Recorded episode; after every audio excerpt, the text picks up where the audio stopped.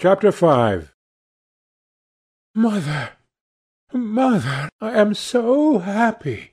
whispered the girl, burying her face in the lap of the faded, tired looking woman who, with back turned to the shrill intrusive light, was sitting in the one arm chair that their dingy sitting room contained. "I am so happy!" she repeated.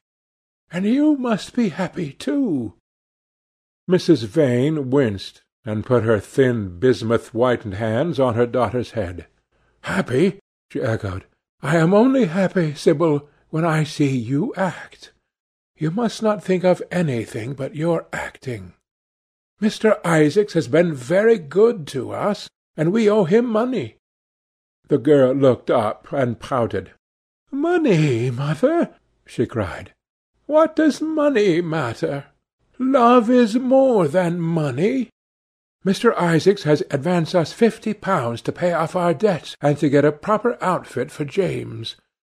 You must not forget that, Sibyl. Fifty pounds is a very large sum. Mr. Isaacs has been most considerate." "He is not a gentleman, mother, and I hate the way he talks to me," said the girl, rising to her feet and going over to the window. "I don't know how we could manage without him answered the elder woman, querulously. Sibyl Vane tossed her head and laughed. "We don't want him any more, mother. Prince Charming rules life for us now." Then she paused. A rose shook in her blood and shadowed her cheeks. Quick breath parted the petals of her lips. They trembled. Some southern wind of passion swept over her and stirred the dainty folds of her dress.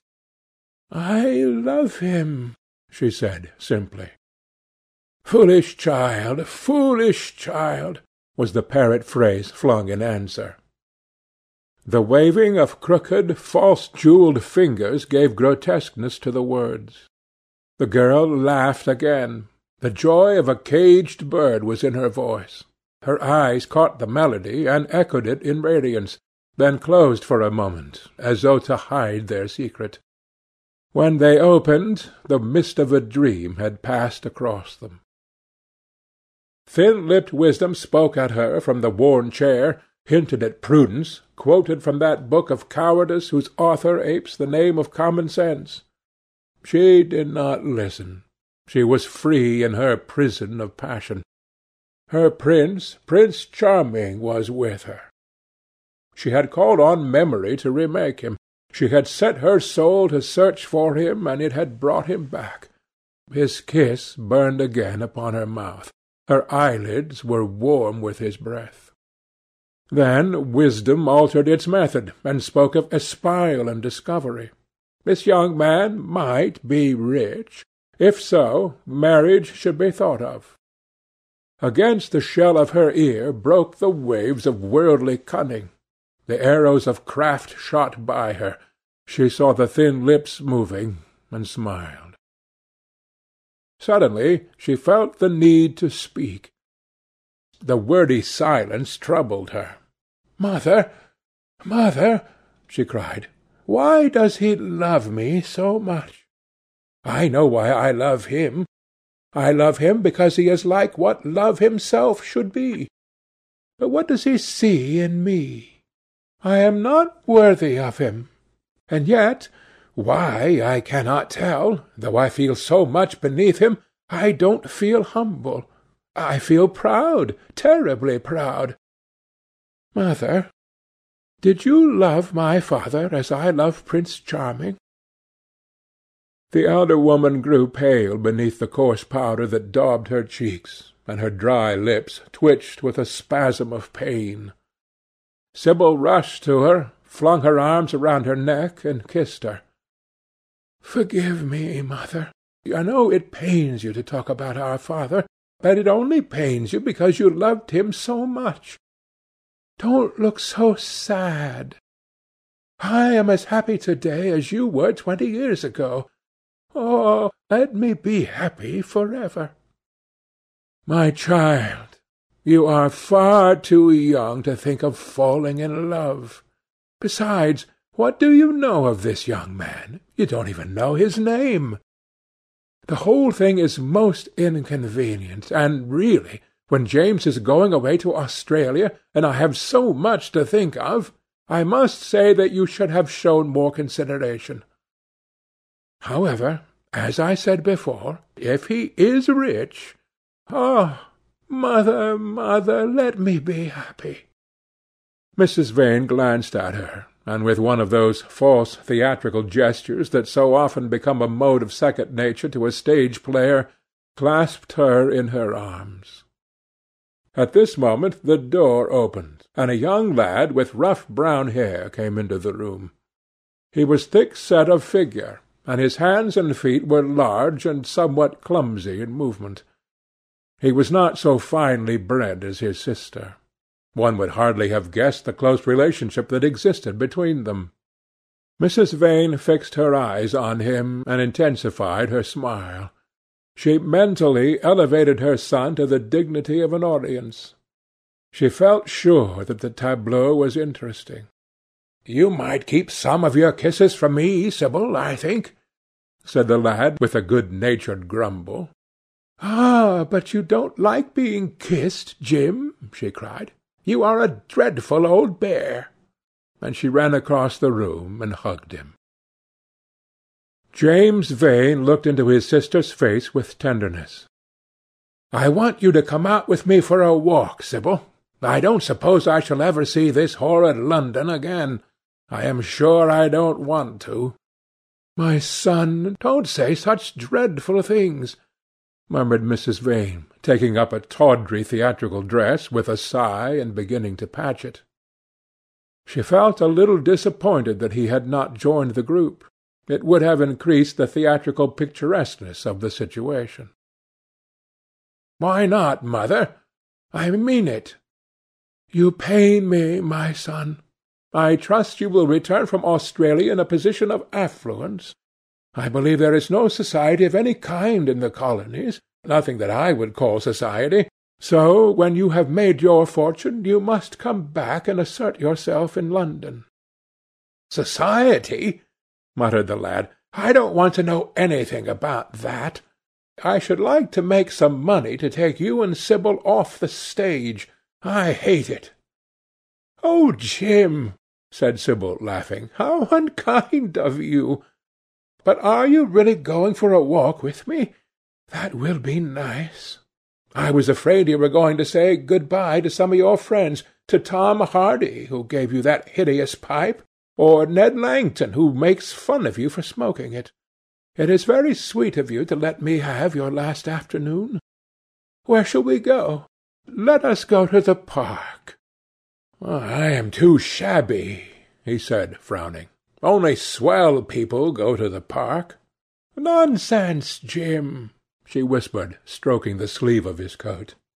He hesitated for a moment. "Very well," he said at last, "but don't be too long dressing." She danced out of the door.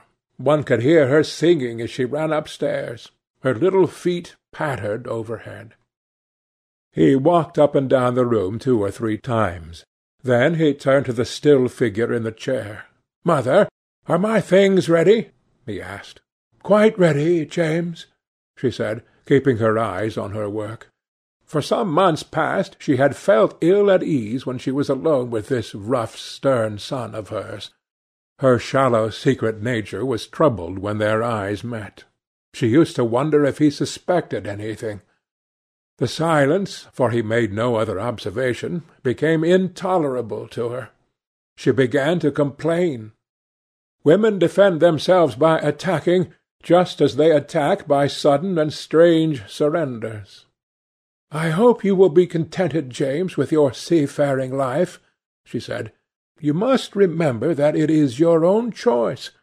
You might have entered a solicitor's office. Solicitors are a very respectable class in the country often dine with the best families."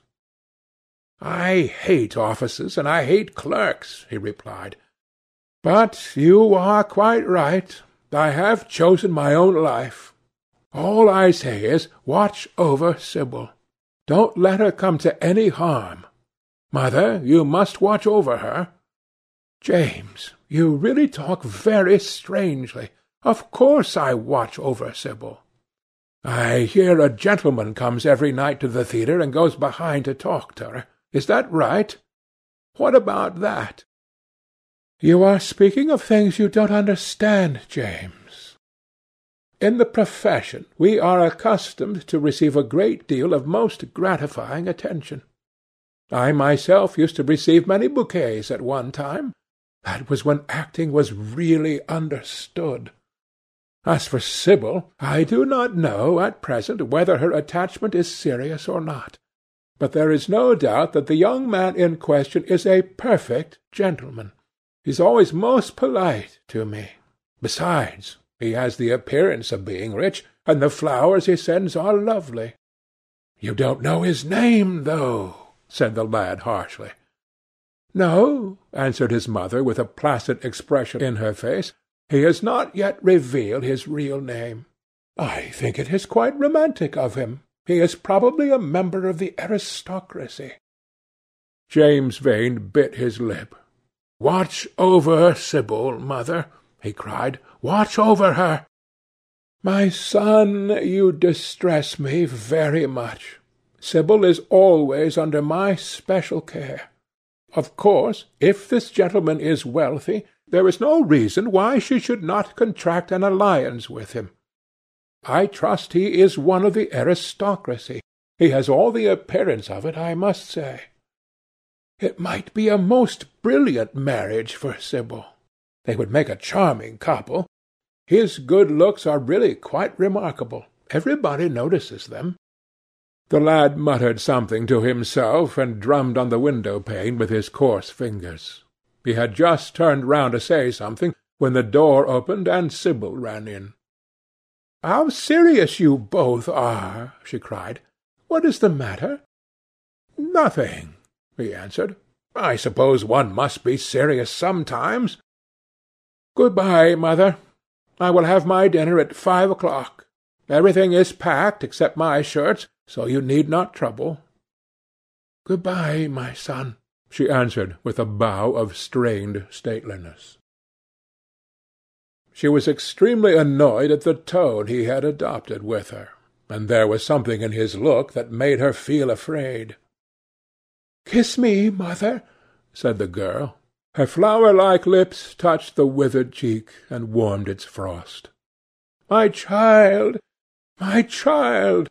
cried Mrs. Vane, looking up to the ceiling in search of an imaginary gallery. "Come, Sibyl," said her brother impatiently. He hated his mother's affectations.